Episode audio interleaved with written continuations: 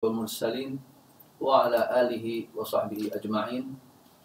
رب اشرح لي صدري ويسر لي أمري واحلل عقدة من لساني يفقه قولي.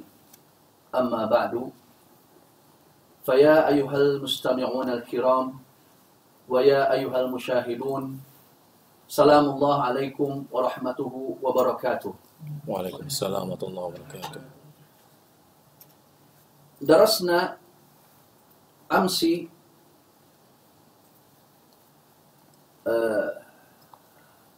بداية من كلام ابن مالك في ألفيته. واليوم إن شاء الله نريد أن نبدأ وندرس شيئا جديدا ومع ذلك نريد أن نراجع ما سبق أن درسنا أمس.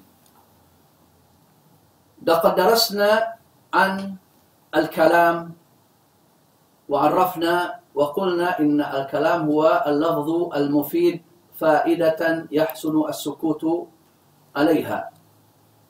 ثم درسنا كذلك الكلم وهو ما تركب من ثلاث كلمات فأكثر سواء أكان مفيدا أم غير مفيد. ثم قلنا إن الكلم هذا اسم جنس جمعي. واحد الكلم كلمة. اسم الجنس الجمعي شرحنا لكم هو ما يفرق بينه وبين واحدة بالتاء أو بالياء. ومثلنا بالنسبة للتاء مثل قولنا بيض. فكلمة بيض هنا هذا اسم جنس جمعي يدل على ثلاثة فأكثر. وإذا أردنا أن نقول واحدة من هذا البيض نقول بيضة. وكذلك البقر نقول بقر هذا اسم الجنس الجمعي. واحد بقر بقرة. وواحد البعوض بعوضة. وواحد الثمر تمرة وهذا ما يفرق بينه وبين واحدة بالتاء. وهناك اسم جنس آخر جمعي يفرق بينه وبين واحدة بياء النسبة. مثل قولنا عرب واحدهم عربي وأعراب كذلك واحدهم أعرابي. وقد فرقنا بين عرب وأعراب من حيث الدلالة ومن ذلك قول زنجي هذا واحد الزنج ما معنى الزنج؟ الرجل الذي يكون ساكنا في أفريقيا نقول هؤلاء ماذا؟ زنج واحدهم زنجي وكذلك ترك مثلا هؤلاء الذين يسكنون تركيا. واحدهم تركي. وكذلك ألمان ألماني وإنجليز إنجليزي. وذكر ابن مالك بعد ذلك أن الكلم هنا على ثلاثة أنواع اسم وفعل وحرف. وقلنا إن المراد من الاسم هنا ما يدل على شيء في نفسه غير مقترن بزمان وأما الفعل ما يدل على شيء مقترن بالزمن. وأما الحرف ما لا يدل على شيء في نفسه ولكن مع غيره. هذه هي الأنواع الثلاثة من الكلمة. ونريد بعد ذلك أن نتعرف على كل علامات لكل واحد من هذه الأشياء الثلاثة. وقال ابن مالك في ألفية بالجر والتنوين والنداء وأل ومسدد للاسم تمييز حصل. بهذا البيت يريد ابن مالك أن يذكر العلامات التي تميز الاسم عن الفعل وعن وعن الحرف.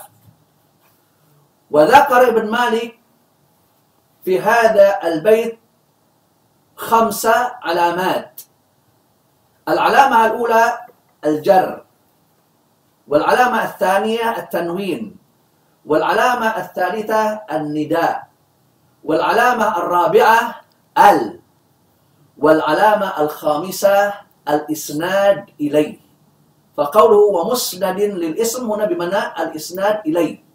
فالمسند هنا هذا مصدر ميمي من أسند يسند. فمعنى المسند بمعنى الإسناد. نبدأ بداية نتعرف على أولى هذه العلامات الخمس وهي الجر. والمراد من قولنا إن من علامات الاسم هنا الجر معنى ذلك أننا إذا وجدنا كلمة يمكن أن تكون مجرورة في هذه الحال نحكم بأن هذه الكلمة اسم. قلنا إذا وجدنا كلمة يمكن أن تقبل الجر فتكون مجرورة ففي هذه الحالة نحكم بأن هذه الكلمة اسم. والجر هنا على ثلاثة أنواع. الجر بالإضافة. مثل قولنا بسم الله الرحمن الرحيم. أكتب هنا.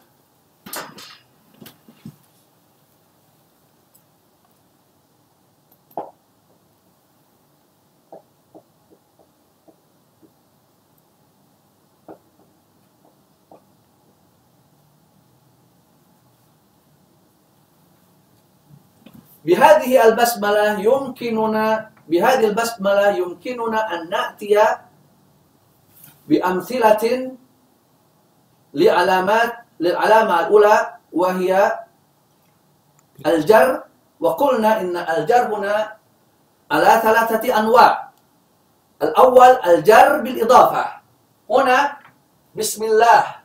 نجد هنا أن الله هنا لفظ الجلالة اسم.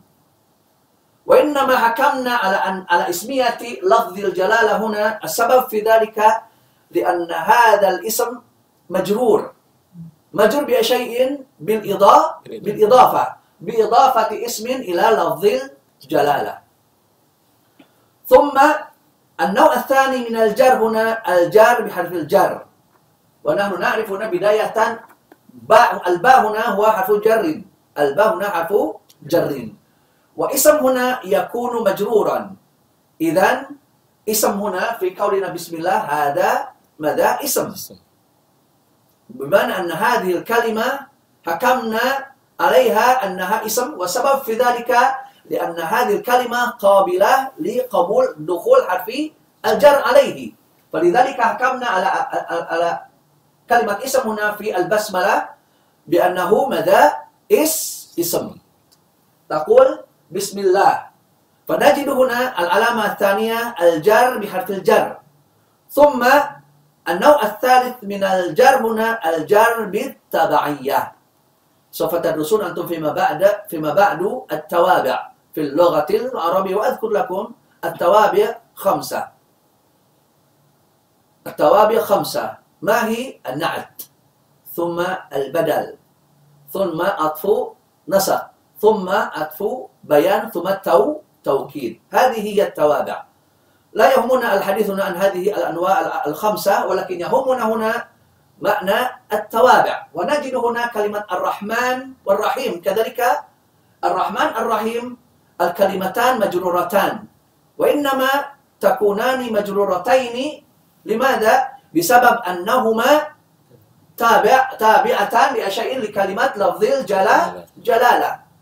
فالرحمن هنا تكون هذه الكلمة مجرورة فهذا دليل على أن كلمة رحمن هنا اس اسم. لماذا؟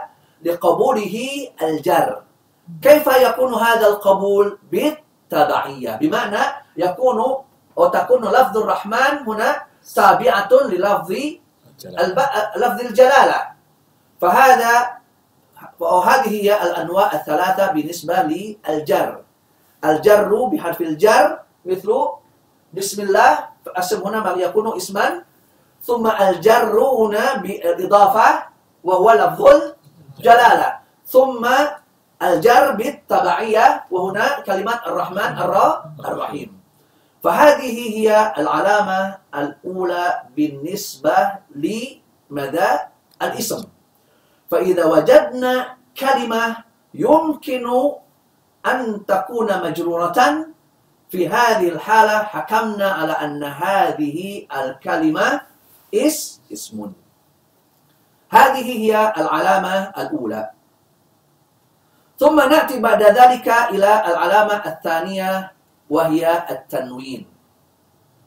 والمراد من التنوين هي نون ساكنة لغير التوكيد. تلحق آخر الأسماء ماذا؟ لفظا خطا ولا لفظا لفظا لا خطا فهذا معنى التنوين تنوين هنا ماذا؟ نون ساكنة لغير التوكيد تلحق آخر الأسماء المعربة ماذا؟ لفظا لا نطقا ولا وقفا كما يقولون بمعنى أنتم تعرفون أن الشكل بالنسبة للتنوين إما أن يكون هكذا أو هذه هي مدى في طريقة الكتاب كتابة. ضمتان كسرتان فتحتان. هذا بالنسبة لمدى للتنوين إذا أردنا أن ننون كلمة بالحرف الحركة. سواء كانت هذه الكلمة مضمومة منونة أو مقصورة منونة أو منصوبة منو منونة. والتنوين كذلك على أنواع. التنوين كذلك على أن أنواع. ما أنواع هذا ما أنواع هذا التنوين؟ النوع الأول من التنوين هنا تنوين تمكين. تنوين ماذا؟ تم تمكين.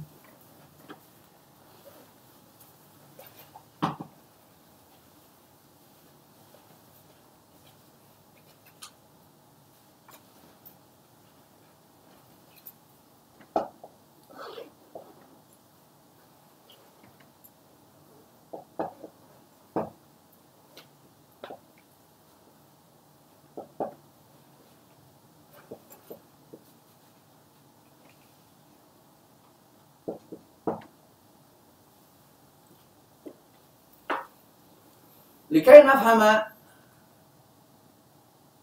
المراد من تنوين التمكين أحاول هنا أن أذكر لكم بالنسبة لأنواع الأسماء المعربة. هناك تقسيم بالنسبة لأنواع المعربة فهذه الأسماء عموما معربة كانت مبنية أو تقسيم الأسماء عفوا عموما. الأسماء هنا أو الاسم ينقسم إلى قسمين. متمكن وغير متمكن. نريد أن نحاول أن نحاول أن نفهم المراد من كلمة مدى التنوين. الاسم هنا ينقسم إلى قسمين متمكن وغير متمكن.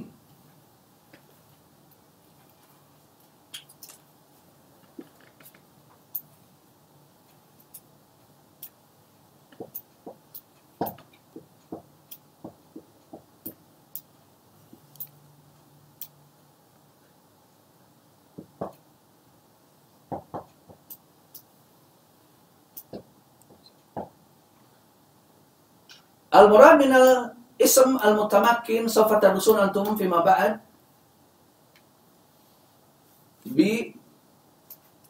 بتفصيل المراد من الاسم المتمكن بمعنى الاسم المعرب بمعنى الأسماء المتمكنة بمعنى الأسماء المعربة وأما بالنسبة للاسم غير المتمكن أو الأسماء غير المتمكنة بمعنى الأسماء المبنية. مدى الأسماء المبني؟ المبنية. ثم المتمكن هنا ينقسم إلى قسمين. طبعا هذا المعرب وهذا المبني.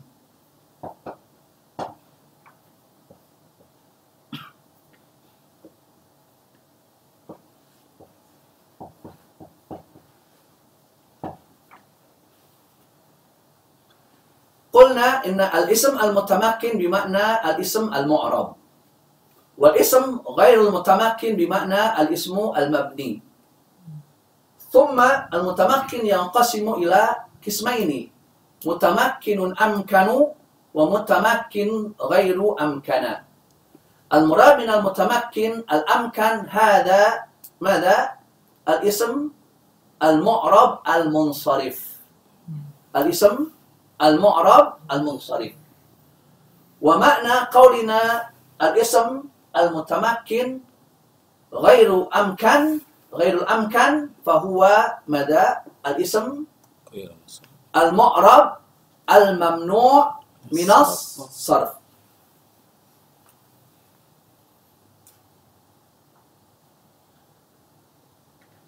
فهذا هو مدى التقسيم بالنسبة ال- ال- ال- أنواع الاسم ينقسم إلى قسمين متمكن وغير متمكن. المراد من المتمكن هنا المعرب وغير متمكن هنا المبني. ثم المتمكن ينقسم إلى قسمين متمكن أمكن وهذا هو المعرب المنصرف. ثم متمكن غير أمكن هذا المعرب الممنوع من الصرف. تذكر أنتم الأسماء هذه وسوف تعرفون بعد هذا بعد هذا الدرس إن شاء الله. في المستقبل. فيهمنا هنا بعد ذلك في النوع الأول هنا ماذا؟ من أنواع التنوين ماذا؟ تنوين تمكين. وهذا التنوين نجده في الأسماء المعربة المنصرفة. هذا التنوين أين نجده؟ نجده في الأسماء المعربة المنصرفة. للدلالة على ماذا؟ على قوة هذا الاسم في الاسمية ما معنى هذه القوة؟ نقول إن هذه الأسماء إن هذا الاسم متمكن في اسميته بمعنى قوي في اسميته بحيث إنه لم يشبه الفعل فيكون ممنوعا من الصرف ولم يشبه الحرف فيكون مبني مبنيا. فدلالة وجود هذا هذا النوع من التنوين في اسم للتدليل على أن هذا الاسم قوي جدا متمكن جدا في اسميته بحيث إنه ماذا؟ لم يشبه الحرف فيكون مبنيا ولم يشبه الفعل فيكون ممنوعا من الصرف. مثال ذلك كلمة سبورة جدار. مكتب سقف. فالتنوين في هذه الكلمات تنوين تم تمكين. هذا هو مدى النوع الأول من التنوين. النوع الثاني من التنوين هو تنوين تن تنكير. كلمة تنكير هنا من النكي من النكرة. تنوين تنكير. وهو التنوين الذي يلحق آخر الاسم المبني. ليس في كل شيء وإنما في بعض الأسماء مدى المبنية. مثل الاسم المختوم بكلمة وي. فنجد هناك بعض الأسماء منقولة من اللغة الفارسية مختومة بوي مثل سيبويه وخالويه ونفطويه ودرس ودرستويه نجد هنا ماذا؟ سيبويه هنا. إذا كان هذا الرجل زميلنا اسمه سيبويه نقول هذا سيبويه. ثم نجد ونسمع أن هناك شخصا آخر مسمى بهذا الاسم. وأنت بعد ذلك تراه في مكان ثم أنت تأتي إلينا وتخبرنا فتقول يا أخي أمسي رأيت سيبويه وسيبويه آخر لما تقول رأيت سيبويه بمعنى سيبويه الذي نعرفه نحن من زملائنا وسيبويه آخر وهناك شخص اسمه سيبويه كذلك ولكننا لا نعرفه ولا نعرف حقيقته. فلذلك نكرنا هنا لغرض التنكير فنقول رأيت سيبويه وسيبويه آخر. وكذلك مثال آخر نأتي باسم الفعل. وإن كنا لم نتحدث كثيرا عن اسم الفعل ومع ذلك سئلت أمس عن مدى اسم الفعل ولعلنا لعلنا نتحدث قليلا عن اسم الفعل في هذا الصدد إن شاء الله. نعم. فمن من أسماء الأفعال قولنا صه. يا أخي صه. ما معنى قولنا صه؟ بمعنى أسكت. وهذا اسم الفعل. ولماذا يسمى هذا اسم الفعل وليس فعلا مع دلالته على الفعل؟ سيأتي. شرح ذلك عن قريب إن شاء الله. فإذا أردنا أن نسكت شخصا من حديث ما في موضوع ما نقول له نقول له يا أخي صح بمعنى أسكت عن هذا الحديث. وإذا أردنا أن نأمره بالسكوت عن هذا الحديث وعن أحاديث أخرى نقول يا أخي صهين يا أخي صهين فالتنوين في صهين هنا هذا تنوين تن تنكير. إنما نقول صح هنا في موضوع معين وأمره بالسكوت في موضوع معين ولكن إذا قلت صحيح بمعنى السكوت في جميع مدى موضوعات الحديث. فهذا مدى مثال آخر لتنوين تن تنكير. هذا هو النوع الثاني بالنسبة مدى للتنوين. وهو تنوين ماذا؟ تنوين تن تنكير. النوع الثاني هنا.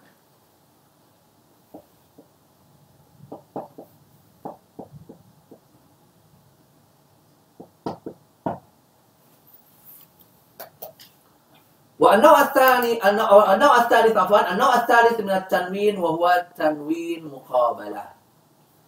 ونجد هذا النوع من التنوين في جمع المؤنث السالم.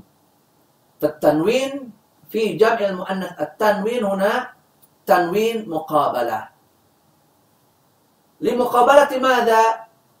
لمقابلة النون في جمع المذكر السالم. هم يقولون العلماء النحويون يقولون إن التنوين الذي نجده في جمع المؤنث السالم هو تنوين مقابلة لمقابلة النون في جمع المذكر السالم. مثال ذلك كلمة مسلمات. فالتنوين في مسلمات هذا تنوين مقابلة. لمقابلة مدى النون في جمع المذكر السالم. مسلمون. فهذا هو مدى النوع الثالث من أنواع التنوين وهو تنوين المقا المقابلة. نأتي هنا. مدى النوع الثالث تنوين المقابلة.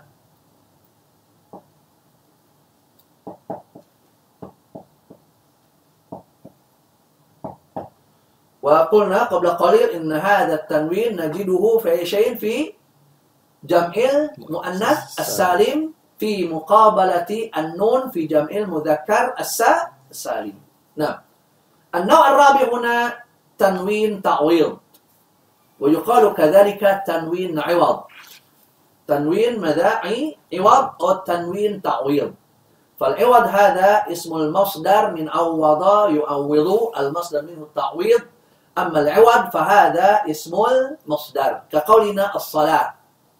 الصلاة هذا اسم المصدر من صلى يصلي. المصدر تصرية والصلاة هنا اسم المصدر. مثل السلام. السلام هذا اسم المصدر من سلم يسلم.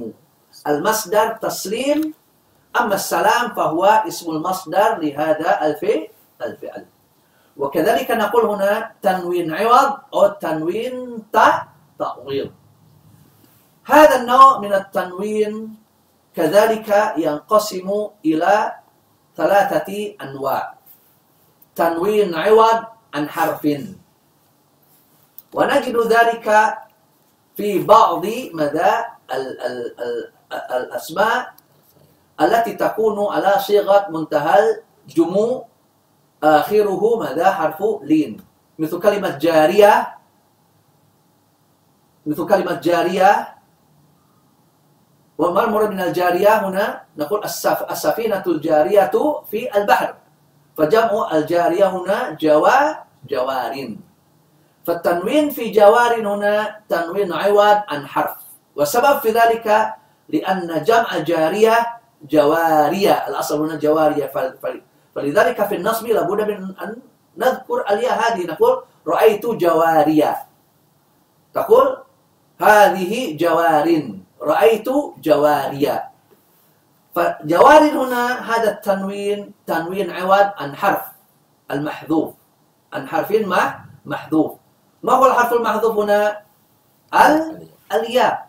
لأننا لما جمعنا جارية على صيغة منتهى الجموع كان المفروض أن نقول جوا جواري ولكن العرب يستثقلون هذا الشيء والسبب في ذلك لأنه اسم منقوص.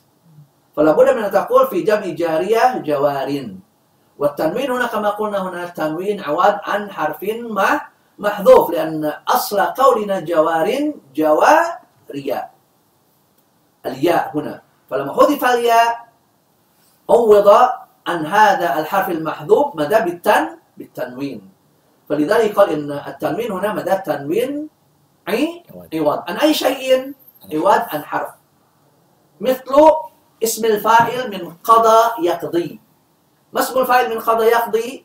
قاضي. قاض. هو قاضي بالياء في الأصل. ولكن في حالة التنكير لابد من حذف هذه الياء فنقول قا قاض فالتنوين في قاض هنا تنوين عوض عن حرف محذوف. ما هو هذا الحرف المحذوف؟ الياء. الياء. فلذلك يسمى هذا النوع من التنوين تنوين عوض عن أي شيء؟ عوض عن حرف. هذا النوع مدى الأول من أنواع تنوين تع تعويض أو تنوين عوض.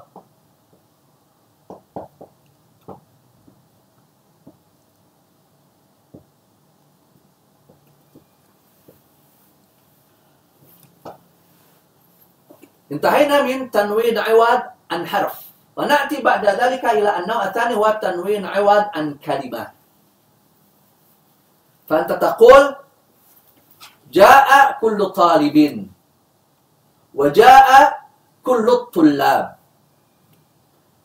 أنت عندما أردت أن تضيف كلمة إلى لفظ كل إذا كانت ذكرة لابد أن تكون الكلمة مفردة.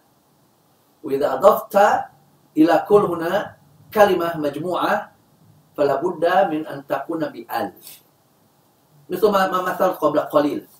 كل طالب يذهب إلى المعهد. كل الطلاب يذهب إلى المعهد. هذا على ماذا؟ على لفظ كل. ويجوز لك أن تقول كل طالب يذهبون إلى المعهد. كما تقول كل الطلاب يذهبون إلى المعهد فهذا على معنى كل. فكلمة كل من حيث مدى المعنى جمع. من حيث اللفظ مفرد. وأنت إنما أرجعت الضمير إلى كل يجوز لك أن تعيده على اللفظ كما يجوز لك أن تعيده على المعنى. فتقول كل طالب يذهب أو يذهبون إلى المعهد. وتقول كذلك كل الطلاب يذهب أو يذهبون إلى المعهد. ثم بعد ذلك يجوز لك أن تحذف المضاف إلى لفظ كل. فتقول كل يذهب إلى المعهد وكل يذهبون إلى المعهد. فكلمة كل هنا هذا التنوين الذي نجده في هذه الكلمة هو تنوين عوض عن كلمة ما المراد من الكلمة هنا؟ كما مثلت لك قبل قليل عندما نقول كل طالب أو كل الطلاب يذهب أو يذهبون إلى المعهد فلما هدفنا كلمة طالب أو كلمة طلاب فنقول كل فالتنوين في كل هنا تنوين عوض عن كلمة فتقول كل يذهب إلى المعهد إلى المدرسة. هذا على لفظ كل. ويجوز لنا أن نقول كل يذهبون إلى المعهد فهنا على معنى كل. أيهما أفضل يا شيخ؟ نعم. أيهما أفضل؟ من كلاهما يجوز. يجوز. ولكن لا يجوز لك الخلط. فتقول كل الطلاب يذهب إلى المعهد ثم يجلسون ثم ينامون ثم يقوم. لا. أنت إذا أفردت أفردت وإذا جمعت جمعت. هذا بالنسبة لطريق ماذا استعمال كلمة كل. فأنت يجوز لك أن تختار الإفراد على اللفظ ويجوز لك أن تختار الجمع على الماء المعنى بالنسبة للفظ كل. ولا يجوز لك أن تقول كل الطالب. لماذا؟ لأن الطالب هنا ما دام مفرد. وإذا كان مفردا لابد أن يكون نكرة فتقول كل طالب. إلا إذا كنت تريد الأجزاء. فتقول يعجبني كل البيت. وأنت تريد أن تقول يعجبني أجزاء يعجبني أجزاء ماذا؟ أو يعجبني كل أجزاء البيت. هذا إذا أردنا ماذا؟ الأجزاء. يجوز. ولكن في غير هذا أنت عندما تريد أن تستعمل كلمة كل فتنظر هنا إلى المضاف إلى هذه الكلمة. إذا كان المضاف إلى هذه الكلمة مفردة إذا أنت لابد من أن تجعل هذه الكلمة نكي نكرة وإذا كان جمعا فلا بد ماذا من أن تكون هذا الجمع معرفة. فلا يجوز لك أن تقول كل الطالب يذهب ولا كل طلاب يذهب. إما أن تقول كل طالب أو كل الطل طلاب. هذا بالنسبة لاستعمال كلمة مدى الكل. ويهمنا هنا والشاهد في في حديثنا هنا أن المضاف إلى كل هنا يجوز أن نحذفه فتقول كل يذهب إلى المعهد أو كل يذهبون إلى المعهد. ومن ذلك كلمة بعض فمثلا أقول يا إخوان لا بد أن يساعد بعضكم بعضكم. لا بد أن يساعد بعضكم بعضكم. ويجوز لك أن تقول لا بد أن يساعد بعضكم بعضا. ويجوز لك أن تقول يا إخوان لا بد أن يساعد بعض بعضا. فالتنوين في بعض هنا هذا تنوين عوض عن كلمة. هذا هو مدى النوع الثالث من أنواع تنوين عوض تنوين عوض عن مدى كلمة. ثم نأتي بعد ذلك إلى النوع الثالث من أنواع تنوين العوض وهو تنوين عوض عن جملة. تنوين عوض عن جملة. مثال ذلك لاحظوا معي وأنا أقرأ بعض آيات من القرآن الكريم بعض آيات من القرآن الكريم. حتى كلمة آي هنا كذلك ماذا؟ اسم الجنس الجمع جمعي واحد الآي آية آية انظر سوف نقرأ أو مثلا تقول سوف يقرأ محمد آية من الذكر الحكيم آية من الذكر الحكيم فآية هنا هذا اسم الجنس واحد الآي آية نعم سأقرأ لكم هنا بعض آيات من القرآن الكريم شاهدا على النوع الثالث من تنوين عوض وهو تنوين تنوين عوض عن جم جملة. الله سبحانه وتعالى يقول إذا زلزلت الأرض زلزالها وأخرجت الأرض أثقالها وقال الإنسان ما لها يومئذ. فالتنوين في إذن هنا تنوين عوض عن جملة كاملة قبلها. ويومئذ معناه يومئذ زلزلت الأرض زلزالها وأخرجت الأرض أثقالها وقال الإنسان ما لها تحدث أخبارها فالتنوين في إذن هنا تنوين عوض عن جملة كاملة فهذه هي مدى الأنواع الثلاثة من أي شيء من أنواع تنوين العي العوض عوض عن حرف وعوض عن كلمة وعوض عن جملة. الجملة. وبهذا انتهينا من الحديث عن العلامة الثانية للاسم وهي ماذا؟ التن التنوين.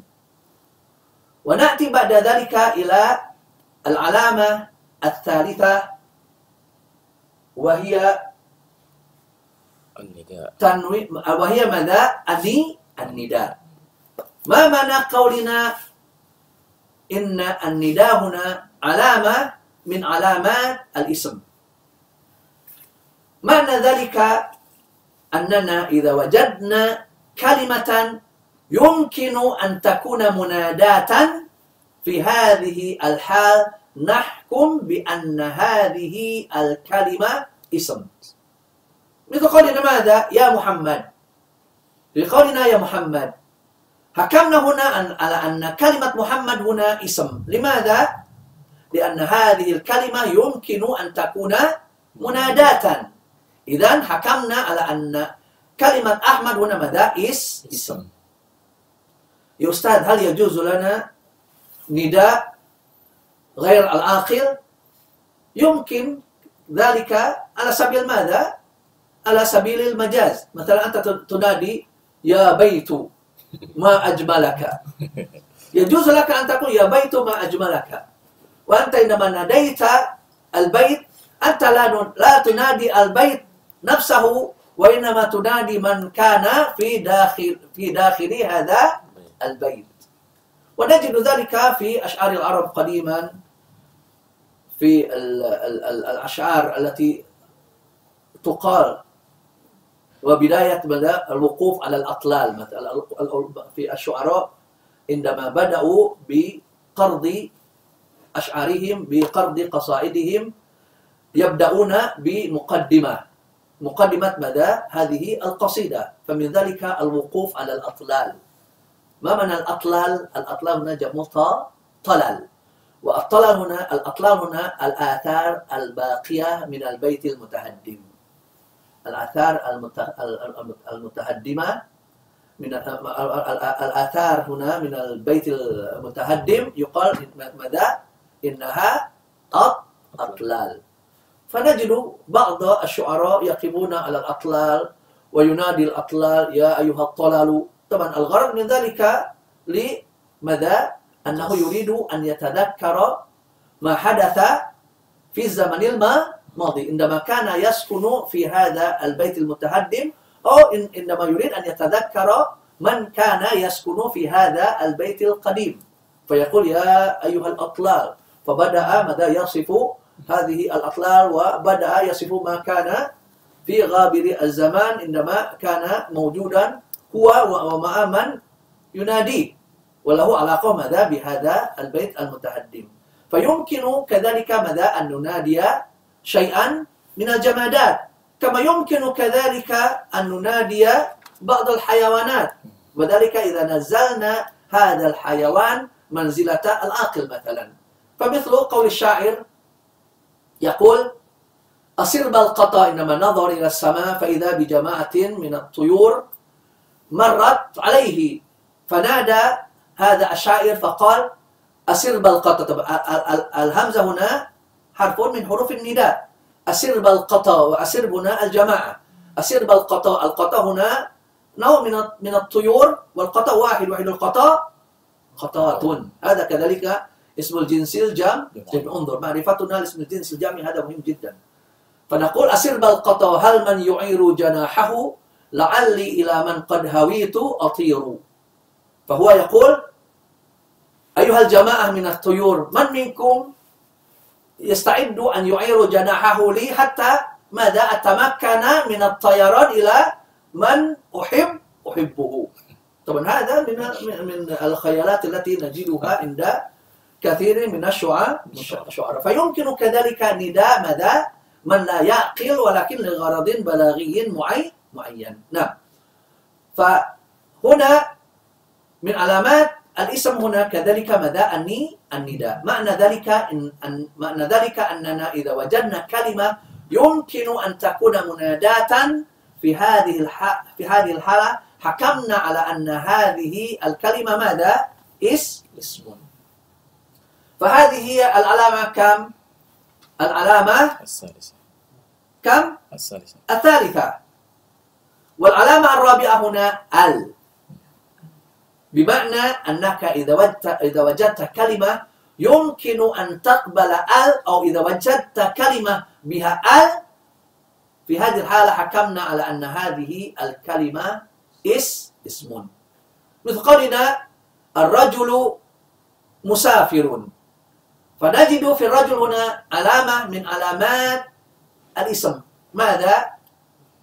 ال. حكمنا على كلمة رجل هنا اسم لماذا؟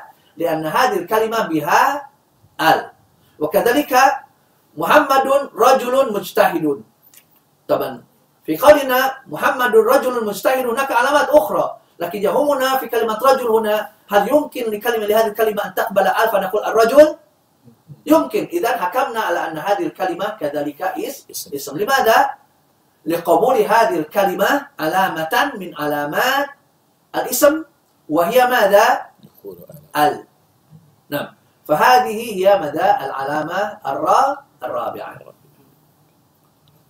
العلامة الخامسة من علامات الاسم هي الإسناد إليه.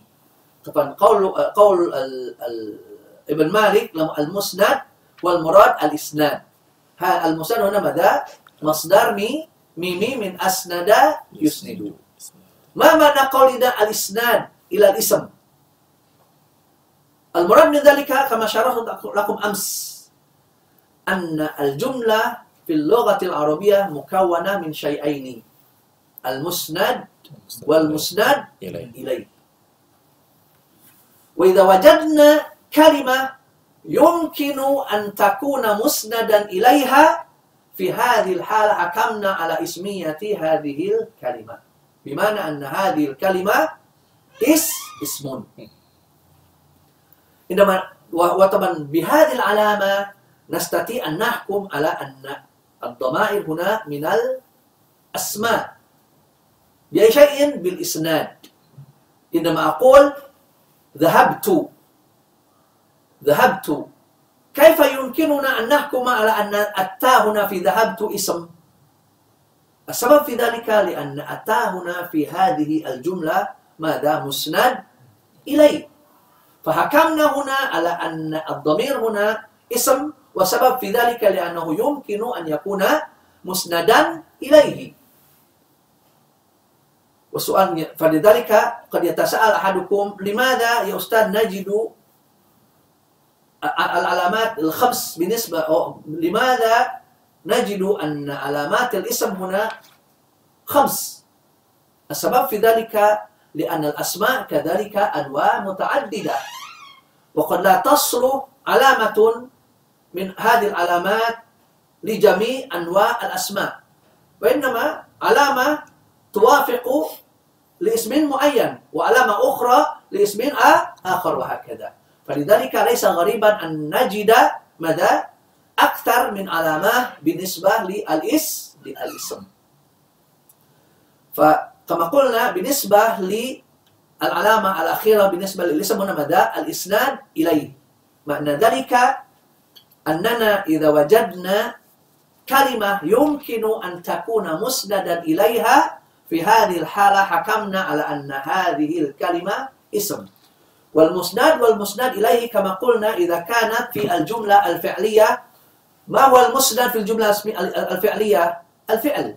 أما المسند إليه الفاعل إما أن يكون فاعلا وإما أن يكون نائب نائب الفاعل. فا- فاعلين. وأما بالنسبة للجملة الاسمية ما المراد من المسند والمسند إليه؟ المراد من المسند هنا الخبر. وأما المسند إليه هنا ماذا المبتدأ. فبهذه العلامة الأخيرة نستطيع أن نحكم على ماذا المبتدأ وعلى الفاعل أو على نائب الفاعل أنها كلها إس اسم لماذا؟ لأنها كل لأنها كلها ماذا؟ مسند إليها فهذا معنى مدى الإس الإسناد وبهذا انتهينا من العلامات الخمس التي تميز الاسم عن الفعل وعن الحرف. نعم. نعم إلى هنا. من منكم يريد السؤال؟ نعم تفضل. ما الفرق بين المصدر واسم شيخ؟ نعم وهنا سؤال. ما الفرق بين المصدر واسم المصدر؟ نعم. المراد من ذلك أن المصدر أنتم تعرفون مثل علم يعلم ما مصدره علم. ضرب يضرب ما مصدره ضربا. ضرب. هذا مصدر. وأما بالنسبة لاسم المصدر ركزوا معي يا إخوان جميعا يا أخوات. أما بالنسبة لاسم المصدر بداية لا بد من أن نعرف أن اسم المصدر لا يكون إلا من الثلاثي المزيد. أن اسم المصدر لا يكون إلا من الثلاثي الم- المزيد. والشيء الثاني أن المصدر سماعي. فليس لكل فعل ثلاثي مزيد له اسم المص مصدر. وإنما له مدى مصدر على القياس. وله اسم المصدر على السماع. فالمثال من اسم المصدر كلام. فكلام هنا من الفعل الثلاثي المزيد من كلم يكلم. ما مصدر كلم يكلم؟ تقريب مباشرة تعرفون لأن المصدر بالنسبة للفعل الثلاثي المزيد ماذا؟ قيا قياسي. ما ورد من ذلك سماعا وبحذف بعض حروفه. لا نقول إنه مصدر ولكن نقول إنه اسم المصدر. مثال آخر. بين يبين. ما المصدر؟ تبيين التبيين. ما اسم المصدر؟ بيان. البيان. مثل صلى يصلي. المصدر؟ تص- تصلية. اسم المصدر؟ صلاة. صلاة. ما المصدر؟ من زكى يزكي. تز تزكية. تزكية. ما اسم المصدر منه؟ زا زكاة. زكاة. فالزكاة هنا اسم المصدر من زكى يزكي. طبعا للإجابة على هذا السؤال كذلك من منكم يعرف الفرق بين غسل وغسل؟ وصل وصل ما الفرق بين الغسل وغسل؟ الغسل هذا مصدر غسل يغسل غسلا. ماذا؟ غسل يغسل غسلا إذا هذا ماذا؟ مصدر وهو من الثلاثي المجر مجرد أما الغسل فهذا اسم المصدر لماذا؟ لأنه من اغتسل يغتسل ما مصدر اغتسل؟ اغتسال اغتسالا لكن ما اسم المصدر من اغتسل؟ غس غسل وكذلك درب يدرب المصدر تدريب تدريب ونسب اسم المصدر الدربة فالدربة هنا ماذا؟ اسم المصدر من درب يدرب وهكذا طبعا درس طويل خارج عن مدى أن نحن بصدد الحديث عنه أما نحن بصدد الحديث عنه ومع ذلك لفائدة ذكرنا لكم الفرق بين المصدر واسم المصدر نعم هنا انتهينا من جميع العلامات التي ماذا؟ تفرق الاسم عن الفعل وعن الحرف. وطبعا حديثنا بعد ذلك حديثنا بعد ذلك هنا عن العلامات التي يمكن أن نجدها في الفعل. ذكر ابن مالك في ألفيته بعد ذلك بتا فعلت وأتت ويفعل ونون أقبلن فعل ينجلي. طبعا ينجلي من انجلى ينجلي بمعنى انكشف ينكشف بمعنى تميز يتميز.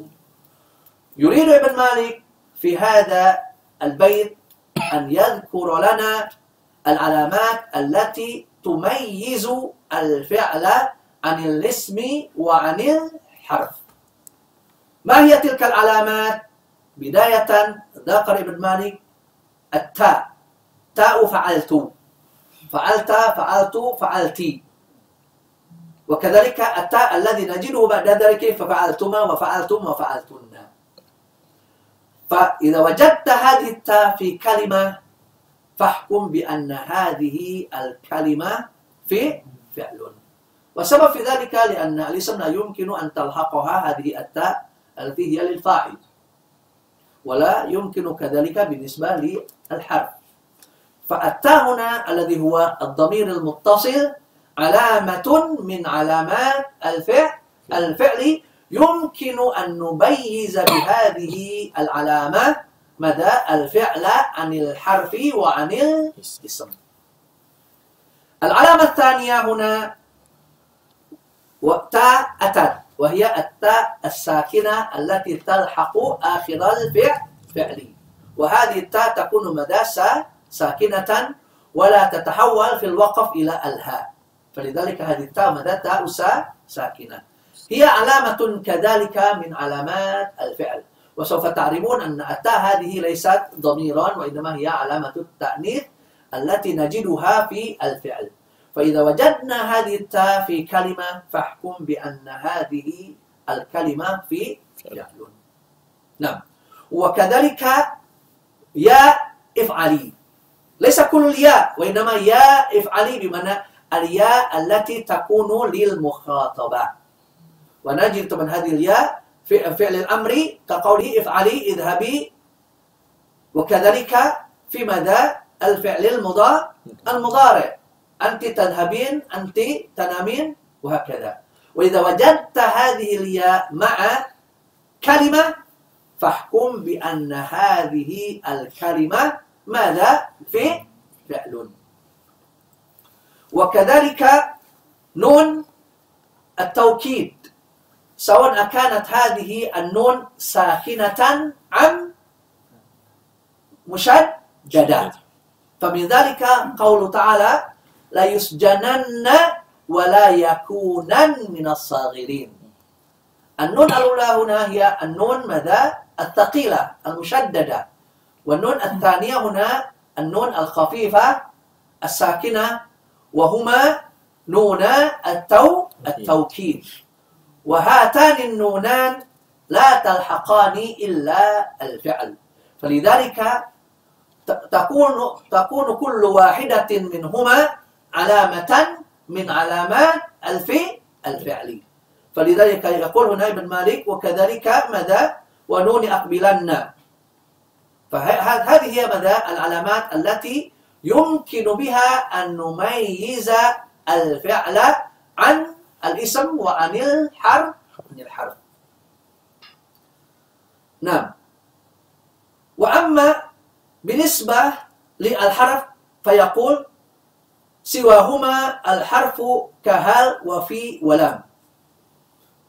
معنى ذلك إذا وجدنا كلمة ليس بها ليس بها علامة من علامات الفعل ولا علامة من علامات الاسم. في هذه الحالة نحكم بأن هذه الكلمة حرف حرف.